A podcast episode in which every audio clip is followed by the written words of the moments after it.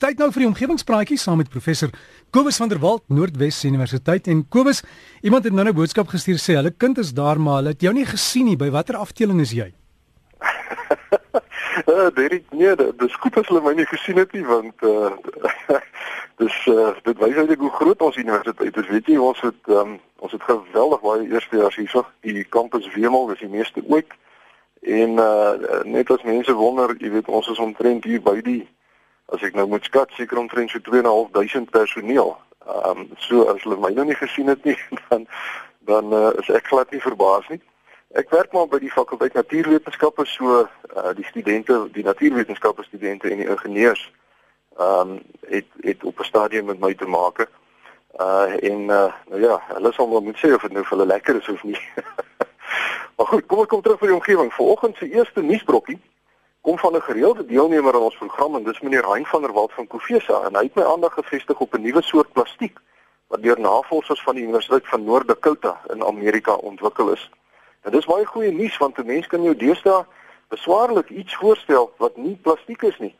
Dis omtrent alles wat ons gebruik, ons rekenaars, ons selfone, TV's, radio, ons motors, ons meubels en tot in die kookware in ons kombuise.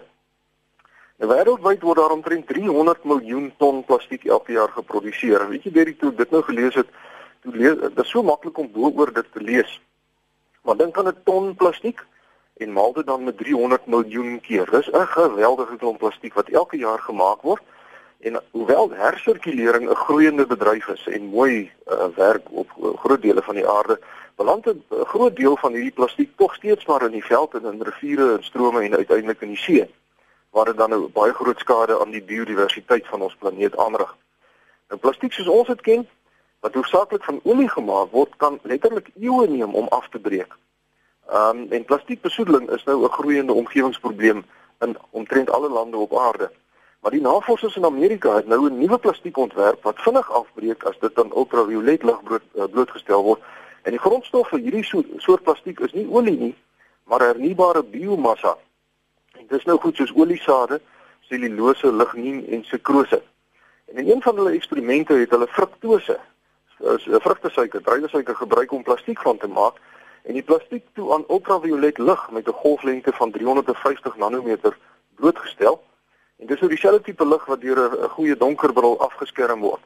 En na net 3 ure het die plastiek toe begin degradeer en opgebreek in sy oorspronklike boustowwe wat skadelose biomassa is.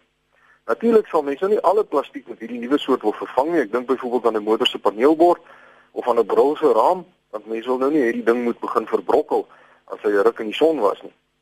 Maar as mense nou dink aan goed soos plastieksakke en plastiekbottels en voedselverpakkingsmateriale, dan kan hierdie nuwe degradeerbare bioplastiek 'n baie positiewe invloed op ons omgewing hê. Baie dankie meneer Hein van der Walt vir daardie nuusbrokkie. En dan omgewingsvriende, uh, het ek 'n brief ontvang van professor Naas Ferreira van Port Elizabeth.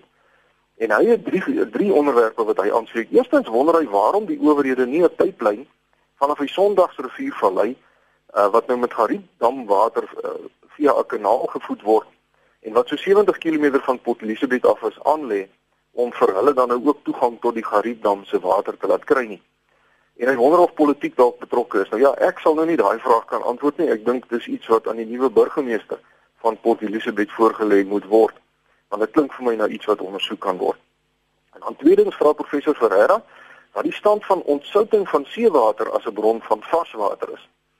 En dis nou natuurlik veral vir ons kusstede. Ek sien daar in die Kaapse wêreld in die suidelike deel van ons land uh, is is dit glad nie so rooskleurig wat water uh, se stand betref nie. En, en professor Ferreira sê 'n kort soek tog op die internet wys dat die koste van ontsouting nie te duur is nie. Maar ek moet dan nou sê my eie syfers wys 'n ander prentjie want alhoewel die tegnologie voortdurend verbeter en die kostes afkom, is dit tans steeds omtrent 10 keer so duur om seewater tot op drinkwaterstandaarde te ontsout as wat dit is om rivierwater te suiwer vir drinkwater. En ek dink dit is die rede waarom ontsouting nog nie op groot skaal toegepas word nie. En dan laastens noem professor Ferreira 'n baie interessante saak. En dit is dat daar tans in Holland eksperimente gedoen word om aardappels in seewater te kweek. Nou die mense begin met erg verdunde seewater en dan voeg hulle met elke oes geleidelik meer soutte by, meer seewater by om dan nou die aardappelsoort te vind wat die beste in soutwater kan groei. En nou is sy vraag waarom ons nie sulke dinge in Suid-Afrika doen nie. Ja, baie dankie professor Naas Ferreira van Port Elizabeth vir u bydrae. En ek het die sout uh, soutwater aardappel nuusbrokkie 'n bietjie dieper ondersoek. Die versouting van landerye is wêreldwyd 'n baie groot probleem en ook hier by ons in Suid-Afrika. Dit word beraam dat versouting wêreldwyd reeds 'n area so groot soos die helfte van die hele Suid-Afrika nutteloos vir boerdery gemaak het. En daagliks, daagliks, elke dag gaan daar 'n verdere 2000 hektaar vrugbare landbougrond verlore as gevolg van hierdie probleem.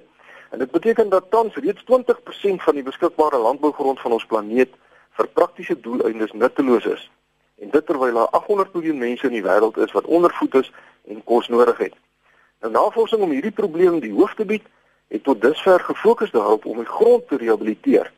Maar hierdie benadering is duur en dit is daarom nie haalbaar in armer dele van die wêreld soos byvoorbeeld nou die Geelrivier in China, die Eufraatrivier in Sirië of in die Indusvallei in Pakistan nie. Nou die klompie Hollandse boere het toe besluit dat as dit te duur is om die grond weer te herstel, Waarom probeer hulle dan nou nie 'n gewas kweek wat in hierdie versoute grond kan groei nie? En hulle is redelik suksesvol in hulle pogings. Hulle benadering is 'n absolute natuurlike een. Met ander woorde, daar's geen genetiese manipulering of laboratoriums betrokke nie.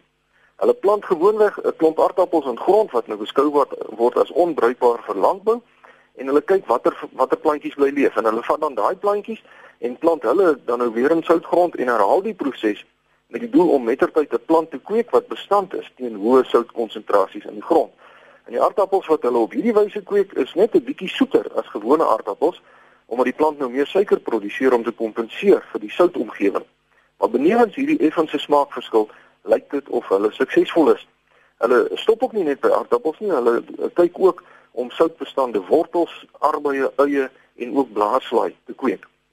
Die enigste probleem is dat die soutbestande gewasse tans nog redelik duur is omdat die opbrengs wat op hierdie versoute gronde behaal word omtrent die helfte is as wat mens nou van vrugbare landbougrond sal kan kry. Maar as mens dink dat grond wat vroeër nutteloos gestaan het, nou wel gebruik kan word om gewasse mee te kweek, dan bied hierdie projek hoop vir omtrent 250 miljoen mense op aarde wat in hierdie dae op versoute gronde 'n lewe moet probeer maak. Duisende van die soutbestande aardappels is reeds na Pakistan uitgevoer en die goed groei baie mooi daar. En lande soos Egipte, Bangladesh en Indië het ook reeds navraag gedoen oor hoe om hulle eie soutbestande gewasse te kweek. Dis voorwaar goeie nuus en daarmee Dirk is my tydjie vanoggend om. Omgewingsvriende kan gerus vir my skryf by kobus.vanderwalt by nwu.ac.za of kyk op Facebook se omgewingspraatjie blad vir meer besonderhede. Vriendelike groete tot 'n volgende keer. So gesels professor Kobus van der Walt by Noordwes Universiteit en as jy wil kontak maak is kobus.vanderwalt by nwu.ac.za of die beste deesdae is maar op Facebook gaan soek net vir omgewingspraatjies die meervoud nê nee, omgewingspraatjies sluit aan by die groep en raak deel van ons groen gemeenskap